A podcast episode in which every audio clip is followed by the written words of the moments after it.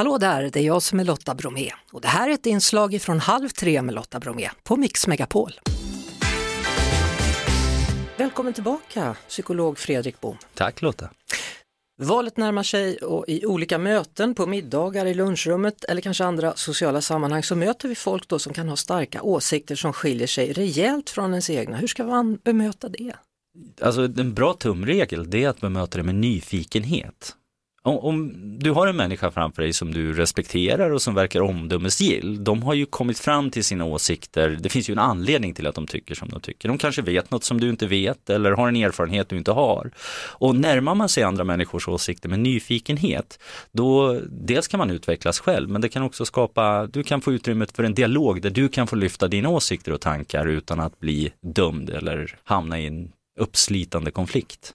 Och jag, jag, tror ju att det där är ett tecken i tiden på något sätt. Att vi har ju flyttat oss från att acceptera att vi har olika åsikter och, och, kunna resonera om det till att mera bli dömande. Det vill säga jag tycker det här och tycker du inte det så är du ond eller elak eller dum och då vill inte jag ens prata med dig, jag vill inte ens höra vad du har att säga. Och hamnar man i det läget, alltså ger man sig in i det rummet, öppnar man den dörren så har man ju en tendens att framkalla samma reaktion hos andra människor och sen är spiralen igång, det blir mm. värre och värre. V vad är störst då, att vinna en diskussion eller att hålla trevlig stämning? Ja, men jag, jag, tror ju att till att börja med måste man ju definiera vad som är att vinna en diskussion. För jag tror man måste skilja på en diskussion och ett argumentation. I en argumentation vill du liksom köra över motståndaren med dina argument.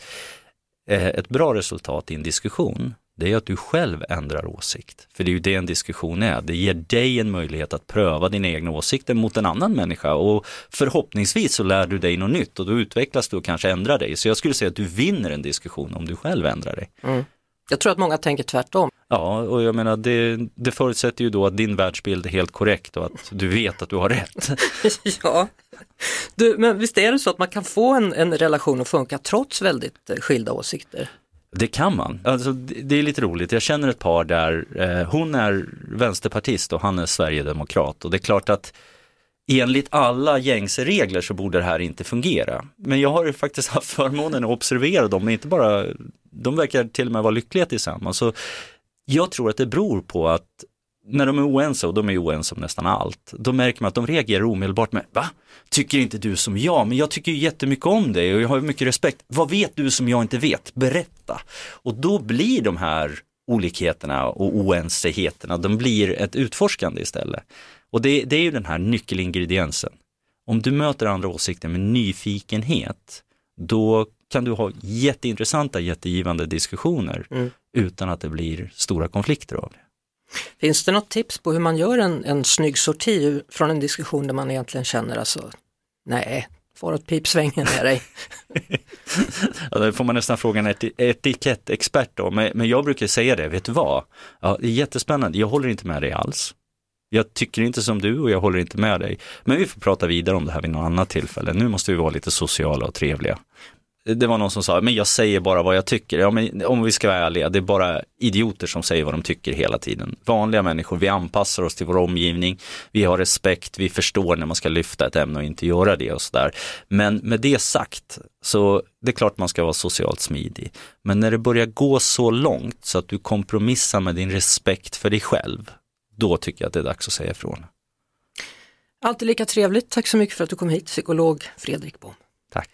Vi hörs såklart på Mix Megapol varje eftermiddag vid halv tre. Ett poddtips från Podplay.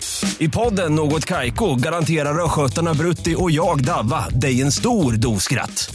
Där följer jag pladask för köttätandet igen. Man är lite som en jävla vampyr. Man har fått lite blodsmak och då måste man ha mer. Udda spaningar, fängslande anekdoter och en och annan arg rant. Jag måste ha mitt kaffe på morgonen för annars är jag ingen trevlig människa. Då är du ingen trevlig människa, punkt. Något kajko, hör du på podplay. Därför är gardinerna.